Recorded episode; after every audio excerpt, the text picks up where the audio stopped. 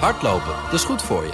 En Nationale Nederlanden helpt je daar graag bij. Bijvoorbeeld met onze digitale NN Running Coach... die antwoord geeft op al je hardloopvragen. Dus, kom ook in beweging. Onze support heb je. Kijk op nn.nl slash hardlopen.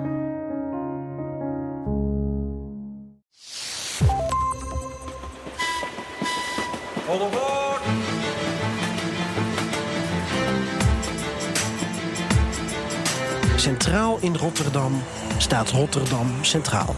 Heel de wereld gaat er weg en komt er ook weer aan. Stations zijn als havens voor de dolende ziel. Begin van het daar en eind van het hier. Welkom. Fijn dat je luistert naar de Goede Reis podcast. De leukste wegwijzer voor onderweg. Deze podcast is een productie van BNR Nieuwsradio en Columbus Travel... het grootste Nederlandstalige reistijdschrift...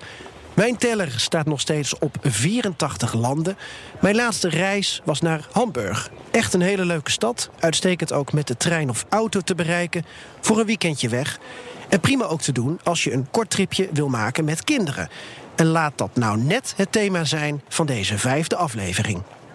En ik denk altijd, nou weet je, als jij gewoon tevreden mee bent om naar de Ardennen te gaan. Weet je, de Ardennen is ook hartstikke leuk en dan is daar helemaal niks mis mee. Maar als je gewoon zelf graag iets anders wil, dan zou een kindje daar niet moeten uh, belemmeren. Sorry, we gaan zo verder hoor. Maar even nog een vrolijke dienstmededeling. Het is je misschien al opgevallen, deze podcastreeks staat in het teken van thema's. Verantwoord reizen, wintersport, heimwee en wegwee... het bezoeken van inheemse volkeren diep in de jungle. En zo kunnen we nog even doorgaan. En sterker nog, we gaan door.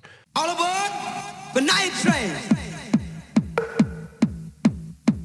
Want de twee partners die deze podcast mogelijk maken, BNR en Columbus, die willen dat ik ook in 2020 hiermee doorga. Fantastisch nieuws. En dat betekent dus nieuwe afleveringen over bijvoorbeeld het tracken van je reis met een app. Fix and the wonders using the app are just incredible. I'm definitely using this app on my next trip. Over eilandhoppen in Indonesië. Terima kasih banyak. En over de Europese nachttrein. Maar nieuwe ideeën zijn zeker welkom. Mail ze naar goedereispodcast.bnr.nl. Dus goedereispodcast.bnr.nl.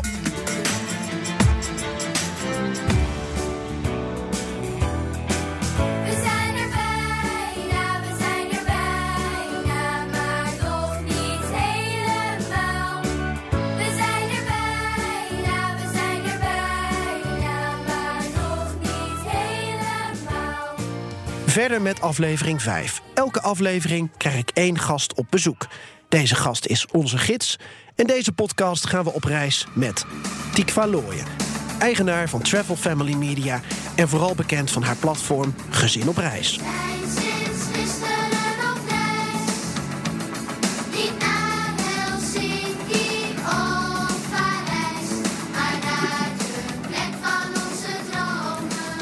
Tikva is onze reisgids en dat komt mooi uit. Ze is namelijk fulltime reisblogger.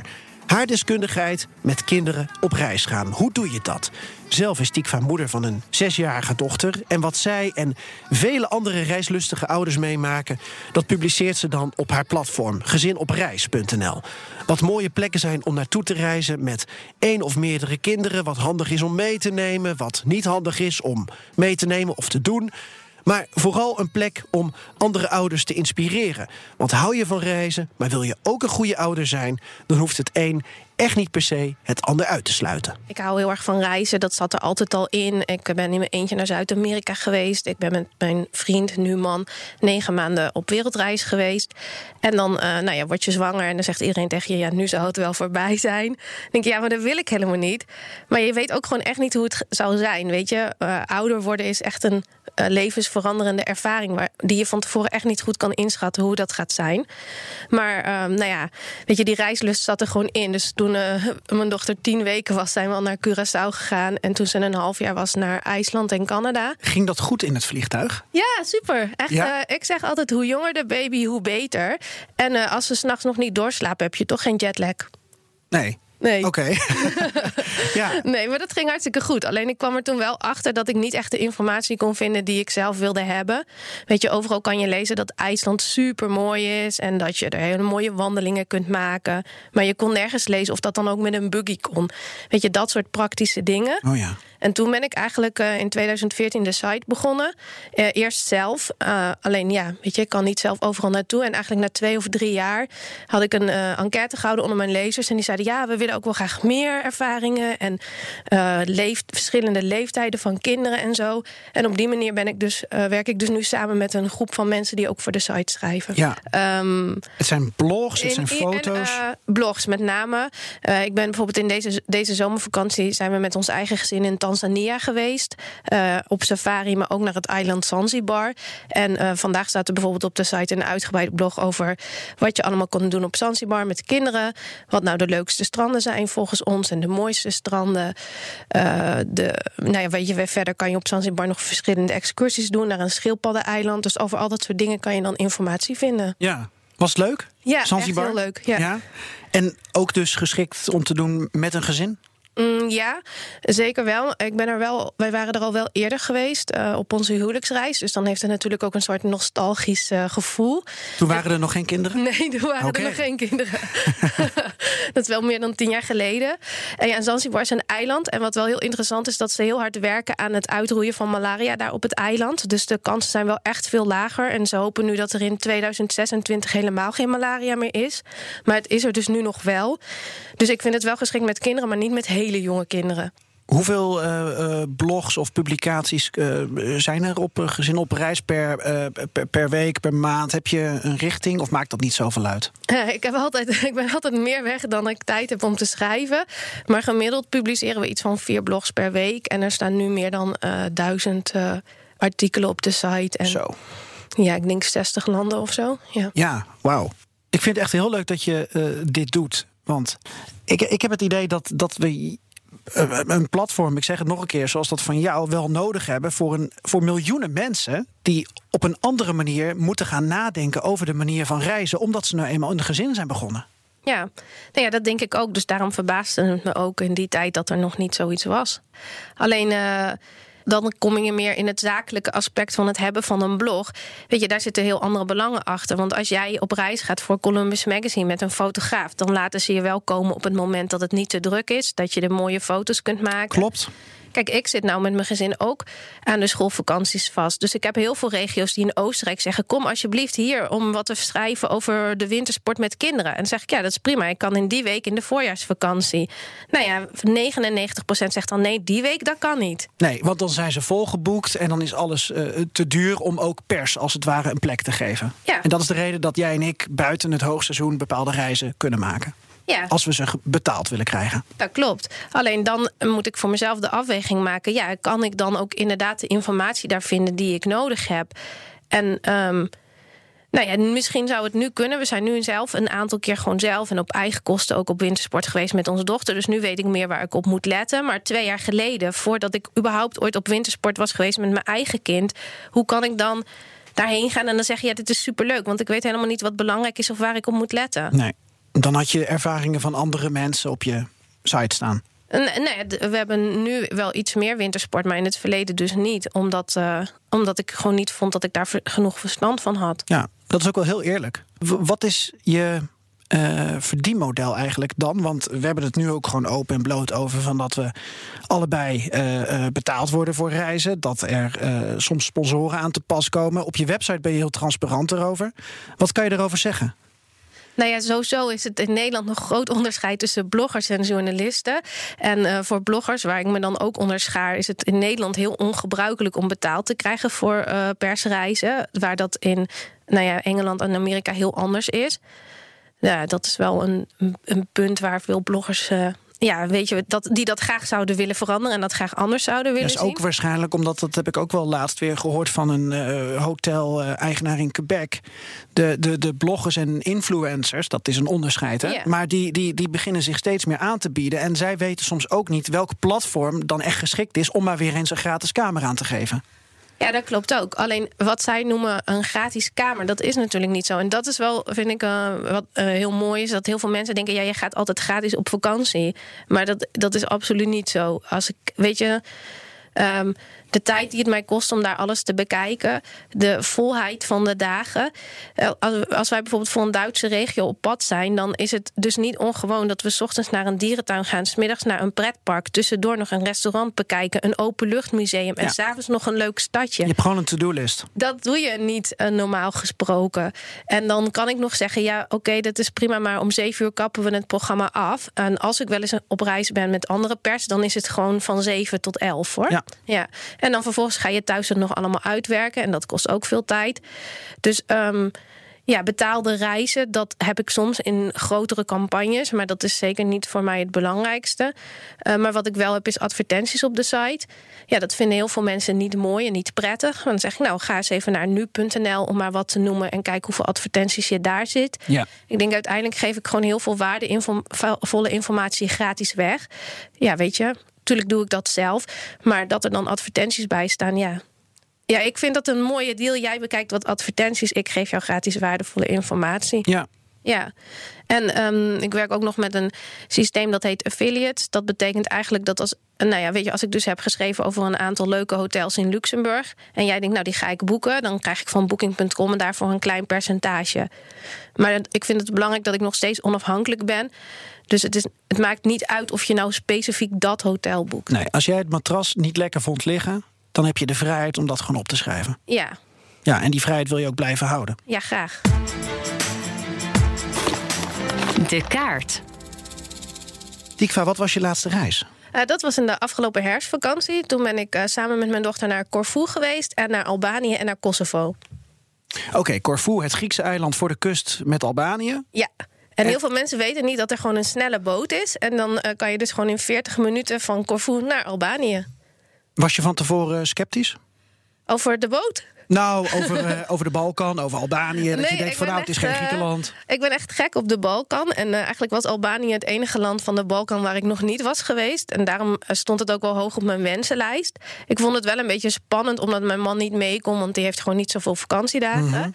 Eh, dus ik was eigenlijk aangenaam verrast over hoeveel mensen er Engels spraken. En hoe makkelijk het ook was om het vervoer daar te regelen. En eh, ja, ik vind het echt super jammer dat eh, Albanië is echt een heel mooi land. Echt super mooie stranden, vriendelijke mensen, goedkoop, lekker eten. Maar toch slaat het niet echt aan in Nederland. Want eh, nou ja, wij vlogen nog met Transavia, maar die stoppen nu ook alweer met hun vluchten. Oh ja? Ja, en verschillende Nederlandse reisorganisaties hebben de afgelopen jaren ook geprobeerd eh, om eh, nou ja, Albanië als toeristenbestemming ehm, neer te zetten. Maar dat is eigenlijk allemaal niet gelukt. Ik hoor toch veel mensen in mijn omgeving die inderdaad als ze gaan het fantastisch vinden, omdat het land toch alles lijkt te hebben. En de wegen zijn nog niet geweldig, maar het wordt steeds de beter. van rijden ook niet hoor. Ja, maar soms zijn we daar ook naar op zoek. Dat het niet allemaal zo gelikt is. Ja. Nou ja, ja, ja, weet je, je hebt gewoon ook eh, veel kastelen. Natuurlijk een interessante geschiedenis. Weet je, het is niet een bestemming voor iedereen. Maar als Nee. je gewoon iets originelers wilt en wel mooi weer en ook strand en cultuur en betaalbaar, ja. Ik vond dat daar wel. Was je dochter mee? Ja, die was mee. Hoe ging dat? Dat jij samen met je dochter in Albanië bent, eh, Kosovo, de boot, Corfu. Ja, dat ging eigenlijk heel makkelijk. En dan moet ik wel zeggen dat ik wat dat betreft natuurlijk ook een verwende ouder ben. Mijn dochter is ook niet anders gewend. Ik ben, ik ben ook een keer met haar drie weken zelf naar Thailand en Maleisië geweest. Wat natuurlijk een stukje verder eh, is. Mag ik weten hoe oud je dochter nu is? Ze is er nu zes. En toen was ze eh, nog net geen vijf toen we daar naartoe gingen. Ja. Ja. Ze kan dus wel heel goed tegen jou zeggen: Ik vind dit niet leuk of ik vind dit wel leuk. Ja, ze heeft wel een hele duidelijke mening. En ze is ook wel ehm, soms een beetje verwend. Want als je veel reist, dan zie je natuurlijk ook veel.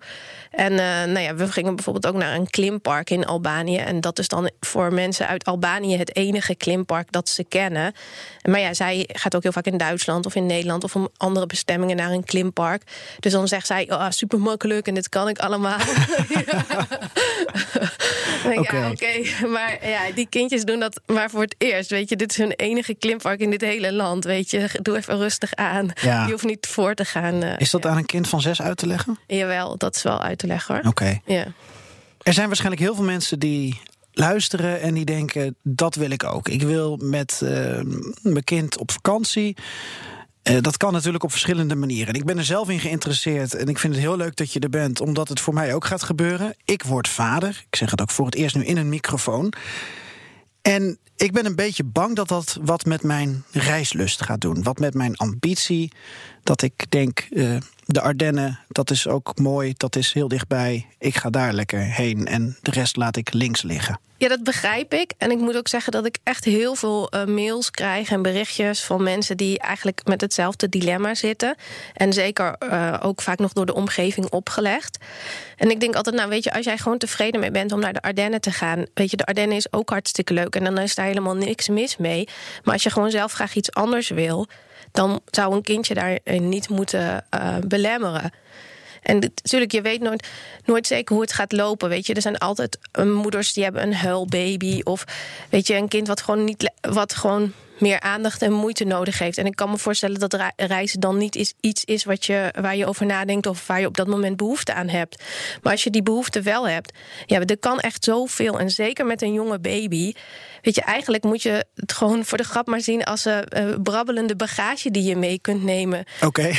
ja, en waar je, je, af en toe een luier van moet verschonen en die af en toe moet voeden. Ja, maar een baby heeft geen wensen. Die gaat niet tegen jou zeggen: ik wil uh, naar een pretpark of een waterpark of dat soort dingen die oudere kinderen wel willen eigenlijk kan je juist met een baby nog heel veel dingen doen die je ook met z'n tweetjes doet. Eigenlijk alleen gezondheid is wel echt een aspect waar je, wat, waar je meer rekening mee moet houden. Maar heel veel andere dingen zijn, ja, vind ik. Het is vooral de angst en de angst vanuit de omgeving die je krijgt. Van ja, zou je dat nou wel doen met een baby? Maar in al die landen wonen ook gewoon baby's. Wat zijn dan in al die mailtjes die je krijgt of al die blogs die je leest, wat zijn dan de twijfels? Um, ja, het is het is vooral voor mijn gevoel dat mensen eigenlijk willen een soort schouderklopje nodig hebben van je bent niet gek dat je dit wilt. En ik zeg altijd als ik het kan en heel veel andere ouders, waarom zou jij het dan niet kunnen? Maar zijn de ouders ook misschien bang dat ze worden nagestaard? Of dat in de afloop van, van drie weken Azië tegen ze wordt gezegd: dat doe je je kind toch niet aan? Ja, en, en dat wordt wel eens gezegd. En mensen zeggen ook: ja, je kind zal zich er niks van herinneren. Nee, dat klopt. Maar je kind zal zich er ook niks van herinneren als je naar de Ardennen bent geweest. Dus ik denk altijd: weet je, waarom doe je niet gewoon iets waar je zelf gelukkig van wordt? Want de gelukkige ouders zijn gelukkige kinderen. En niet altijd maar wat anders omgezegd wordt. Als je kind gelukkig is, dan ben ik gelukkig. Nee, maar maar het geldt ook andersom. Als je zelf gelukkig bent, dan voelt je kind dat ook. Ja. En ook met vliegen, weet je, waar zoveel mensen zo bang voor zijn. Ja, er zijn echt niet zoveel baby's die een heel, heel urenlang huilen of zo. Dat is gewoon een soort mythe van dat baby's alleen maar huilen in het vliegtuig. Als je er echt op gaat letten, dan zijn er gewoon heel veel baby's die gewoon super stil bij hun papa of mama in de draagzak in slaap vallen. En als je pas uit het vliegtuig stapt, zie je pas dat er een baby mee was. Ja, is er wel een, een slimme tijd om te vliegen? Bijvoorbeeld s'nachts of juist overdag? Ja, persoonlijk zeg ik s'nachts. Want okay. s'nachts slaapt uh, je kind toch al en dan, gaat de, en dan gaat de vlucht wel een stuk sneller.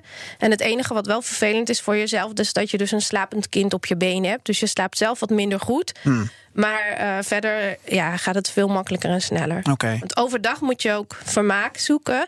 En dan is een vliegtuig natuurlijk best wel klein. Ja, al zou het ook kunnen dat, dat ouders zich schuldig voelen om dan s'nachts te vliegen. Want als je baby dan niet slaapt, dan houdt hij of zij het hele vliegtuig wakker. Maar zo moet je niet denken. Ik zie je al kijken. Ja. ja, ik weet het niet. Ja, maar dat is weer een, de gedachte vanuit angst. Weet je, als je baby niet slaapt. Oké, maar hoe vaak slaapt je baby echt niet?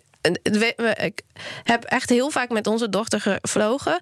En uh, nou ja, ik heb natuurlijk veel mensen die voor mij schrijven. Die hebben ook veel met jonge kinderen uh, gevlogen. En als we alles bij elkaar optellen, zijn er misschien.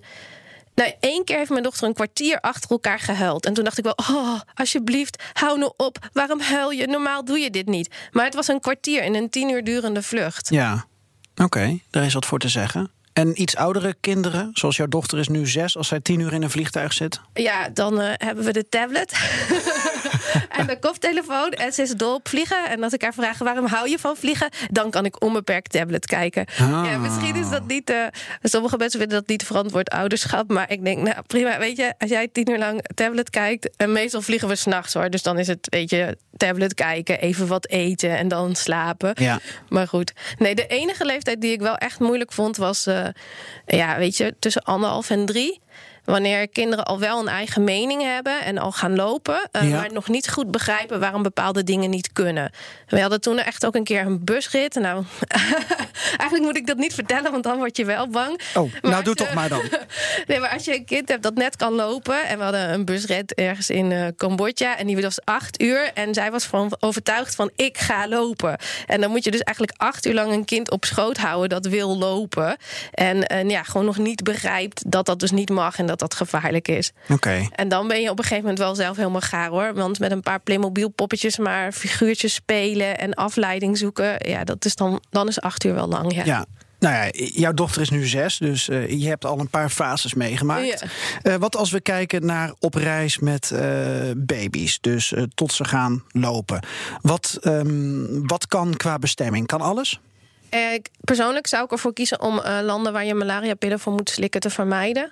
Ja, omdat je dat. eh, ja, dat is gewoon troep. Eh, ook voor ons volwassenen. En ja, voor jonge kinderen dus nog meer. Dus dat is het enige waar, waarvan ik zelf zeg: Nou, dat, dat hebben wij zelf niet gedaan. En dat zou ik ook niet aanraden. Ehm, ja, natuurlijk zijn er nog wel wat andere enge ziektes. En iets waar je ook even op moet letten is mazelen. Dat is in sommige landen best wel een beetje in opkomst. En, dat, en in Nederland wordt die injectie eh, wel gewoon gegeven in het eh, vaccinatieprogramma. Maar het kan zijn dat je voor bepaalde bestemmingen die dan iets eerder moet zetten. Ja. Maar verder, ja, weet je, de meeste landen in Zuidoost-Azië, Thailand, Maleisië, eh, Indonesië, die zijn echt super geschikt, ook met een baby. Eh, natuurlijk, eh, nou ja, weet je, als je Canada, Noord-Amerika, eigenlijk alles in Europa, dat kan ook wel heel goed. Ja. Ik hoor ook heel veel mensen die gaan naar Zuid-Afrika, maar die kiezen dan dus wel een route waarbij ze, zeg maar, bepaalde gebieden dan dus vermijden. ja. Kan je elk vervoersmiddel nemen met een baby? Met een baby, ja. Met iets Nou, ouder. fietsen misschien wat moeilijker. Als je ergens bent en je Ja. wil lekker fietsen, of Angkor Wat in Cambodja, waar je lekker rond kan fietsen, dan moet je dan even anders doen. Ja, in de babydrager. Oké. Ja. Ja, ik, ik moet dat nog allemaal leren, Tikva. ja. Nee, in principe eh, eh, is elk vervoersmiddel eh, prima met een baby. Ehm, het is wel zo dat in heel veel landen ze niet aan kinderzitjes doen. En nou ja, dat sommige taxis überhaupt geen gordels achterin hebben. Dus als je, als je je daar niet prettig bij voelt, dan is dat wel iets waar je rekening mee moet houden. Dat, weet je, dat zijn het soort landen waar hele gezinnen met, z'n- met de drie kinderen tussen papa en mama op een scooter zitten zonder helms. Ja. Dus dat jij daar dan heel graag eh, je kind in een uh, goedgekeurde uh, nou ja, kinderstoeltje wil hebben achterin een taxi. Ja, dat, dat is gewoon niet realistisch. En als je dat heel graag wil, dan moet je dus een ander land kiezen. Ja. En heel lang met een baby op sleeptouw. Heb je daar, daar zicht op? Of wat zeggen uh, ouders waar je contact mee heeft, hebt? Of via, via jouw website daarover? Van, van maximaal uh, een halve dag met een baby slepen? Of... Nou, dat hangt heel erg van je kind af. Want sommige kinderen slapen echt heel goed in een uh, kinderwagen of in een babydrager. Ja, mijn eigen kind die sliep nooit in een bed. Nou ja, dat is ook niet echt fijn. Maar op reis was dat wel een voordeel. Want thuis sliep ze ook niet in, haar, in, in een bedje. Maar ze sliep wel altijd als ze gewoon bij mij of bij mijn man uh, op de rug of de buik uh, zat. Oké. Okay. En je hebt ook kinderen die, die hebben juist echt een bedje nodig. En dan moet je wel anders plannen. Want dan moet je echt op gez, uh, gezette tijden moet je dan terug zijn in je hotel. Ja. Terwijl met een kind dat gewoon slaapt als het moe is. Ja, dan, dan heb je dat niet. Dan kan je gewoon de dag zo indelen zoals je zelf wil. Ja, dan begint je kind te staan. Een beetje te lopen. Uh, de eerste woordjes. Ja, dat is, trein of auto. Ja, en, en, en jij zegt de fase uh, tussen 1,5 en, en 3, dat Ja. is een, uh, een lastige soms. Ja, die is wel wat pittiger. Ja. Ja, ja. ja, terwijl mensen zijn vaak heel bang voor uh, met jonge kinderen. Maar eigenlijk een jonge baby is makkelijker dan een dreumes. Ja. Een glas is half vol. Wat uh, kan je aanraden voor uh, kinderen die die leeftijd hebben en voor hun ouders dan met name, want die doen de boeking? Ja, ja bestemmingen. Misschien heb je bestemmingen op je wensenlijst staan waar je toch al een auto voor zou huren. Bijvoorbeeld Costa Rica. wij zijn met die leeftijd bewust naar Panama gegaan. Dat is ook een land waar je heel goed een auto kunt huren. Waar je ook hele goede voorzieningen hebt, maar wat niet heel standaard is. Dat soort landen zijn heel goed. En uh, landen waar je goed met de trein kan reizen. Dus dan kom je toch ook weer bij bijvoorbeeld Thailand of Vietnam uit. Okay. Als je het over verre bestemmingen hebt dan. Ja. Hè? Ja. En dat, de trein, dat is omdat het kind wil graag uh, wat meer bewegen, uh, Ja. wil een beetje lopen. En dat kan dan lekker door de trein heen. Ja. En in de trein heb je ook gelijk 30 andere oppassen. Ja, natuurlijk. Ja. Ja. dat is wel heel erg leuk altijd in het buitenland. Hè? Hoe, hoe die mensen altijd met kinderen omgaan. Ja, dat doen we in Nederland natuurlijk ook. Maar ik heb het idee dat als ik ver weg ben... dan zie ik altijd eh, bij andere kinderen hoe ze worden vertroeteld... door de eerste beste Russin of eh, Spaanse of eh Cambodjaanse. Dat maakt niet uit. Ja, dat vond ik ook wel heel mooi. Want heel veel backpackers hebben zoiets van... ja, we willen iets met locals doen... en omgang met de be- lokale bevolking. Nou, ik zeg, krijg een baby. Dat is echt, eh, zodra je een baby hebt... dan hoef je geen moeite meer te doen om om te gaan met de lokale bevolking. Ja. Want ze komen massaal op je af. Ja, soms wel echt zelfs in het extreme. Ik heb wel eens gehad dat mijn dochter gewoon echt uit mijn armen werd gepakt... en mee werd genomen in een huis... om aan de rest van de familie te laten zien. En ik was gewoon zo verbaasd dat ik gewoon niet reageerde. Oké. En toen? Nou, toen dacht ik, nou, ik loop dat huis maar even in en kijk wat er aan de gang is. Ja, oké. en toen eh, had ze al allemaal snoep gekregen. Ja, Ja, en toen kwamen ze er wel weer netjes naar buiten brengen hoor. Maar Ja. Hey, en als je nou wel eh, eh, ja, toch naar die verre bestemming gaat, dan, dan, dan ga je vliegen. Ook al is je kind die, die lastigere leeftijd tussen anderhalf en drie. Hoe los je dat op? Is dat ook nog steeds s'nachts vliegen of dan toch overdag? nee, s'nachts. Ja, ik, ik kies altijd voor s'nachts. Ja, ja. En dan ook maar zien zoet te houden. Ja, en ja, op die leeftijd is het gewoon wel iets lastiger. Maar ja, wel veel dingetjes meenemen. Inderdaad, eh, toch eh, filmpjes voor dreumissen. En ja, waskookrijtjes. Dat is beter dan stiften, want je wil niet het hele vliegtuig onderstiften. Ja, ja goede tip. Eh, ja, en po- potloden die zijn vaak wat lichter. Dus krijtjes zijn dan wat beter. Dat ze wat kunnen tekenen en wat kunnen knutselen. Wat neem je altijd mee in je handbagage? Ehm, toen, eh, nou sowieso wat wel heel slim is, is ook een extra setje voor je kind, maar ook voor jezelf. Want eh, nou ja, als ze opeens over jou heen spugen, dan zit je zelf eh, Ja. de rest van de vlucht daar niet prettig bij. Ja, ik geloof dat ik een abonnement moet nemen op hydrofiele doekjes ook of zoiets. Heb ik al gehoord. Ja, nou ja, en gewoon voldoende luiers en je eigen babyvoeding. En eigenlijk wat heel fijn is, er zijn natuurlijk hele strenge regels over vloeistoffen en zo. Ja. Maar dat geldt allemaal niet voor baby's. Dus je moet gewoon zorgen dat je één tas inpakt met alles wat je voor de baby nodig hebt. En ook, eh, nou ja, thermosflats namen we altijd mee. En die mag je ook gewoon gevuld al hebben. En eh, nou ja, poedermelk als je dat gebruikt. En al dat soort dingen. En ook potjes. En dat laten ze je dan gewoon zien. En dat controleren ze apart. En dat mag je dan ook gewoon allemaal meenemen. Oké. Eh, van, vanaf welke leeftijd eet jouw dochter ook dingen die in het vliegtuig worden voorgezet? Dat is een goede vraag. Ehm, ehm, heel soms nu al. Nee, nee, ik weet niet. Vliegtuigvoed eten is toch niet altijd. eh, ja, je hebt geen keuze, hè? Weet je, je moet eten wat je daar Ja. krijgt. En eh, soms is het iets dat heel erg eh, dat de kinderen heel erg lekker vinden, maar ik, ik, ik vertrouw daar niet op. En zelfs nu vertrouw ik daar nog niet helemaal volledig op. Oké. Wat is nu, als je kind eenmaal wat ouder is, kleuterschool en hoger, wat is dan hetgeen waar je op let? Ja, dan moet je echt wel gaan rekening gaan houden met de interesses die ze ook zelf hebben. Ja, onze dochter die wil, die, eh, wilde heel graag op safari. Want nou ja, ze keek natuurlijk heel veel Netflix. En haar favoriete Netflix-serie ging over kinderen die nou, op safari gingen. En eh, Casper en Emma, ik denk veel ouders kennen het wel. En dan, nou ja, dat, dus dat safari, dat is echt iets waar ze al jarenlang over heeft. Maar waar, waar we haar gewoon echt nog te jong voor vonden. Ehm, en weet je, en zo zijn er echt verschillende dingen ehm, die gewoon aansluiten bij de interesse van je kind. Ja. En ik denk nu met oudere kinderen moet je daar echt wel meer rekening mee houden. Want dat jij je cultuur en stadjes heel erg leuk vindt. Ja, als je dat de hele vakantie doet, dan wordt een kind ook zagrijnig. En die wil toch ook spelen en vriendjes en strand, zwembad. Weet je, dat soort dingen. Dat, dat willen alle kinderen. En en dan is het wel, eh, ja, weet je, jij kiest ervoor met je kind ver op reis te gaan. Heel veel ouders gaan ook met hun kinderen gewoon naar de camping in Frankrijk. Ik zou niet zeggen dat een, voor een kind de camping in Frankrijk met drie weken lang dezelfde vriendjes en vriendinnetjes en een zwembad. Ja, dat heel veel kinderen vinden dat misschien wel leuker. Dus ik vind zelf wel, als je voor kiest dan om toch een bestemming te kiezen die wat meer avontuurlijk is, dan zorg ik wel dat we altijd voldoende dingen erin hebben zitten die ook speciaal voor haar leuk zijn. Ja. Ja, dan komen we uit bij de bestemmingen. Eh, Ja. Hoe zorg je dan voor die mix? Je wil zelf namelijk eh, avontuurlijk zijn. Je wil zelf het een en ander zien. Je wil niet eh, die tent eh, in eh, de Dordogne Nee, wegregenen. Corfu met Albanië was natuurlijk een goede mix, weet Ja. je? Want en maar waar Albanië sliep, je in, waar, waar, sliep je in Corfu dan? Hoe gaat dat dan? Nou, we, we vertrokken echt super vroeg. Dus ik had voor de eerste avond had ik gewoon echt zo'n hotel geboekt met, nou ja, weet je, alles voor kinderen, speeltuin, zwembaden, waar je ook s'avonds kon eten. Ik dacht dat is wel prima, want ik ben zelf ook moe. En dan is zij de hele dag eh blaaien, zeg maar, en zelfs een kidsclub erbij. Nou, helemaal happy de peppy. En daarna zijn we verplaatst naar een ander deel van het eiland. En daar had ik wel een meer kleinschalig hotel, maar wel ook met een zwembad. Maar ja, we hebben ook bijvoorbeeld het aquarium daar opgezocht. Weet je, dat is niet heel groot. En daar zou ik ook niet zelf direct naartoe gaan. Maar ja, voor haar is dat dan wel weer leuk. Of Ja. een boottocht. Maar ja, dan ga ik ook wel naar een klooster. Dus het is een beetje van allebei wat. Wat, wat zijn dan jouw momenten? Want eh, ze is zes, dus dan slaapt ze niet meer overdag. Dan gaat ze nog wel mee naar het klooster, Ja. denk ik. Ja, en dan, dan, dan accepteert ze dat mama ook eh, wat wil zien. Ja. Dus is dat dan een beetje 50-50 voor jou, voor haar?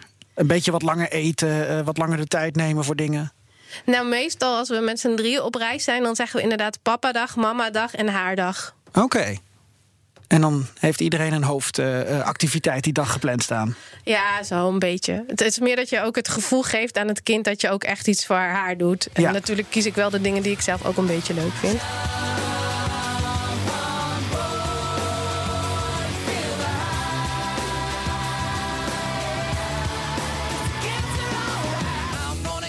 Ik herinner me nog in Peru, in Cusco. Toen kwamen we erachter dat een, eh, een kennis van ons van vroeger... eh, met eh, zijn vrouw en anderhalfjarige zoon ook in Cusco zat. Allemaal uit Utrecht. En toen hebben we afgesproken in het restaurant dat naast hun hotel lag. Want dan eh, kon het kind slapen op de kamer en dan konden we daar een hapje eten en wat drinken. Eh, een dag later ging zij op pad en dan bleef hij met het kind. En ze deden ook samen activiteiten. Maar hij hield heel erg van vissen. Dus dan op die dagen dan ging zij weer oppassen. En dan kan je er dus toch uitkomen. Het is iets meer passen en meten af en toe. Ja, nou ja, dat doen wij ook wel, want wij houden allebei heel erg van duiken. En nu is het eerste jaar dat we onze dochter mee hebben genomen op de duikboot. En dan gaat een van ons met haar snorkelen en dan gaat de ander duiken. Maar daarvoor dan deden we het altijd om en om. Oh ja. Ja, dat is wel, ja het is wel minder leuk, maar ja, zo is het nou eenmaal. Ja, daar heb je dan ook voor gekozen. Ja, Nou zullen er ook luisteraars zijn die eh, niet één, maar twee of drie kinderen Ja. hebben. Eh, misschien nog wel meer. Wat zijn de reacties die je daarover leest en hoort via Gezin op Reis? Nou ja, dat was dus ook een van de vragen die ik kreeg. En ik kan natuurlijk zelf alleen maar vooral kijken naar mijn eigen ervaringen. Maar daarom heb ik binnen mijn team ook mensen zitten die wel drie kinderen hebben. En dan ook nog met een behoorlijk leeftijdsverschil.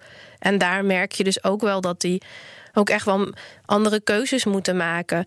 En ook soms er dus voor kiezen van... nou, dan gaat papa een keer iets doen met de oudere kinderen... en mama gaat een keer wat doen met het jonger kind. Ja, Oké. En als je er drie hebt?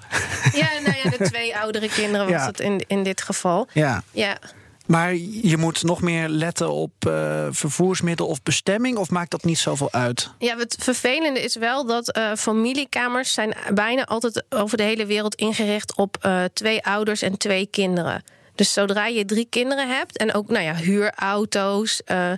Eh, echt heel veel dingen zijn gewoon ingericht op twee ouders en twee kinderen. Dus als je drie kinderen hebt, ja, dan ehm, heb je zeker wel meer uitdagingen met het plannen van je reis. Heb je al eh, van mensen gehoord wat daar creatieve oplossingen voor zijn? Of welke landen wel goed daarop zijn ingericht? Ja, de heel creatieve oplossingen. Sommige mensen nemen bijvoorbeeld voor de jongste een luchtbed mee. En dan boeken ze toch een vierpersoonskamer en leggen er een bed bij. Ja, wat het vooral is, is dat je gewoon veel eerder moet beginnen met het vastleggen van je hotels. Want er zijn wel hotels die dan voor vijf of zes eh, personen zijn. Maar die zijn zeker als je in het hoogseizoen reist gewoon veel sneller vol. Ja. Ja, kijk, en een grotere auto kan je natuurlijk ook wel eh, ja, huren. Maar je, ja, je kunt veel minder makkelijk gewoon eh, op de Bonnefoy reizen. Ja. Wat je misschien zeker voordat je kinderen had nog veel meer deed. Dat je gewoon dacht, nou ja, weet je, we kijken wel een beetje hoe het gaat. En we plannen ter plekke wel wat. En we kijken even op boeking. En we boeken voor over twee of drie dagen een hotel. Ja, dat is wel echt moeilijker. Ja. Je liet net het woord hoogseizoen al vallen. Toen zat Ja. ik al te denken, stel dat je drie kinderen hebt... eentje van vijf, drie en één, of, of zes, vier, twee...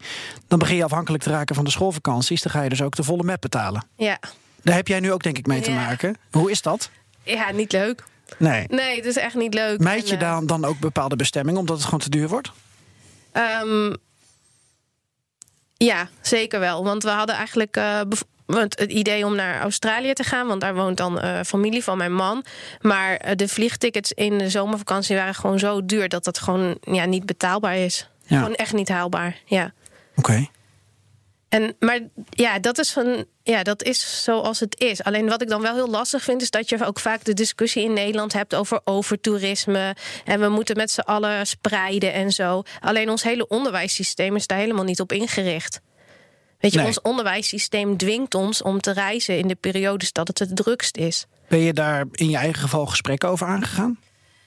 Um, met wie bedoel je? Nou, met, ik weet niet, met de school uh, van, je, van je dochter. Of heb je in je omgeving gehoord dat ouders toch kijken van valt er wat te regelen? Ja, Nederland uh, is daarin echt super streng. Nederland is echt het enige land in Europa dat ook echt schoolplicht heeft en niet alleen maar leerplicht. Dus uh, bijvoorbeeld in België zijn de regels echt veel soepeler. Dus wat heel veel ouders doen die toch met hun leerplichtige kinderen een langere reis willen maken, is uh, de kinderen uitschrijven uit de gemeentelijke basisadministratie. Zo dan vervalt dus ook uh, de leerplicht. Je vervallen ook natuurlijk een aantal dingen. Uh, nou ja, weet je, met je hypotheek, met je verzekeringen, de kinderbijslag. Er zijn best wel veel dingen waar je echt heel goed over na moet denken en bewust van moet zijn en die vervallen of die je anders moet regelen. Maar dat is op dit moment in Nederland echt de enige manier om langere tijd te reizen buiten de schoolvakanties om.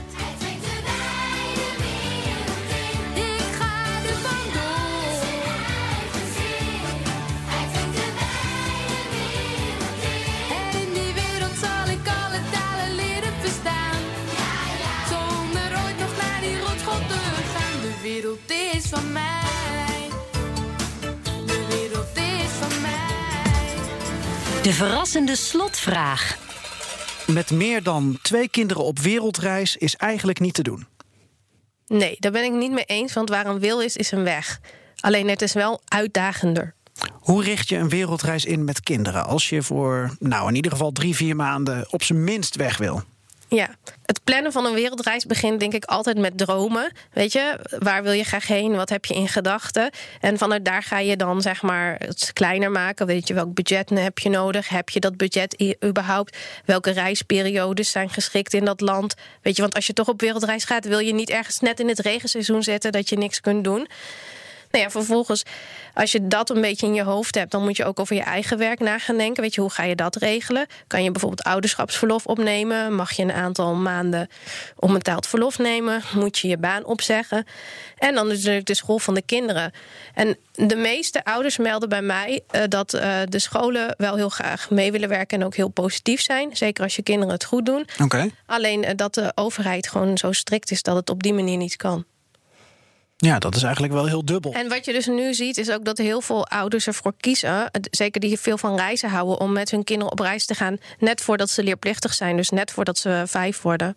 Ja, dat uh, zal inderdaad wel. Ja, ik zit erna te denken toen ik zelf vorig jaar op een uh, vier maanden wereldreis was. Ja, want voor vier maanden wil je gewoon al dat gedoe niet. Dat is nee. gewoon echt te kort. Dus dan kan je beter gewoon, als je nu al dat idee hebt. Echt een jaar weg? Nee, ja, of een jaar weg, weet je, dan schrijf je helemaal uit. Of ja. als je denkt van nou, ik wil vier maanden, dan zou dan. Dan kan je daar nu alvast over nadenken. En dan kan je dat dus plannen als je kind vier is. Wat, of, of zeg maar drie en een beetje. En dat is eigenlijk ook een hele fijne leeftijd om met kinderen te reizen. Dus ja, wij zijn zelf met onze dochter twee maanden naar Zuid-Amerika geweest op die leeftijd. Ik heb binnen mijn team iemand die is nu net twee maanden naar Azië geweest. Iemand anders is een, een langere tijd naar Afrika geweest. Dus ik zie wel heel erg dat er echt wel veel ouders zijn die bewust voordat het kind leerplichtig is nog weggaan. Langer dan. Oké. En ook als je drie kinderen hebt, dan moet het uh, te doen zijn. Het lijkt me zo jong leren, überhaupt al een vakantie. Ja, ik ga het binnenkort meemaken met één. Maar ja, met, ik zou heel graag nog een keer op een wereldreis willen met dan het, het gezin dat, dat er gaat komen. Maar dan, dan zie ik het nu voor me met één. Al is dat al moeilijk. Maar stel dat er twee of drie zijn. Het lijkt me zo moeilijk voor, voor mensen. Ik kom best wel vaak mensen op reis tegen met een kind. Maar dan niet met drie. En dan ook dat ze maandenlang weg zijn. Ja, dus ze zijn er wel. Ik ken er ook wel een aantal.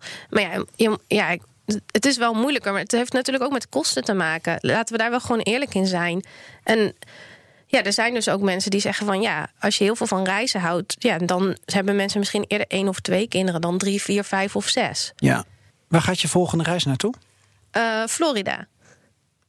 Weet je eh, hoe die eruit gaat zien? Eh, ja, wel ongeveer. Eh, want we gaan met kerst.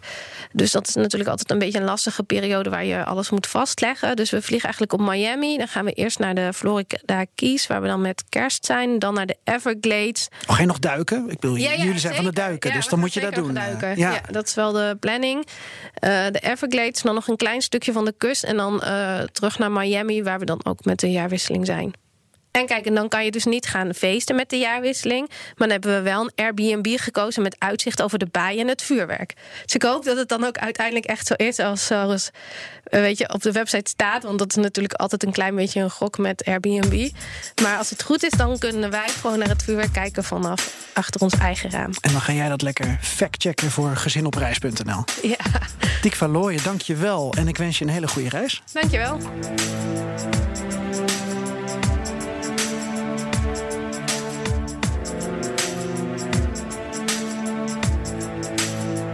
Dit was kant A van het gesprek met Tikva. Maar wil je nou nog meer voorbeelden horen van hoe het is om met kinderen op reis te gaan? Leuke musea, specifieke treinen? Luister dan ook zeker naar kant B. Met alle tips, tricks en misschien nog wel een enkele trap. Deze komt op 3 januari online, in het nieuwe jaar dus.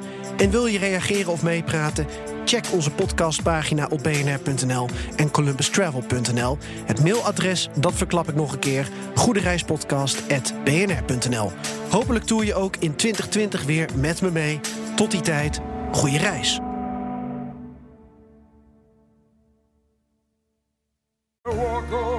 Hardlopen, dat is goed voor je. En Nationale Nederlanden helpt je daar graag bij. Bijvoorbeeld met onze digitale NN Running Coach... die antwoord geeft op al je hardloopvragen.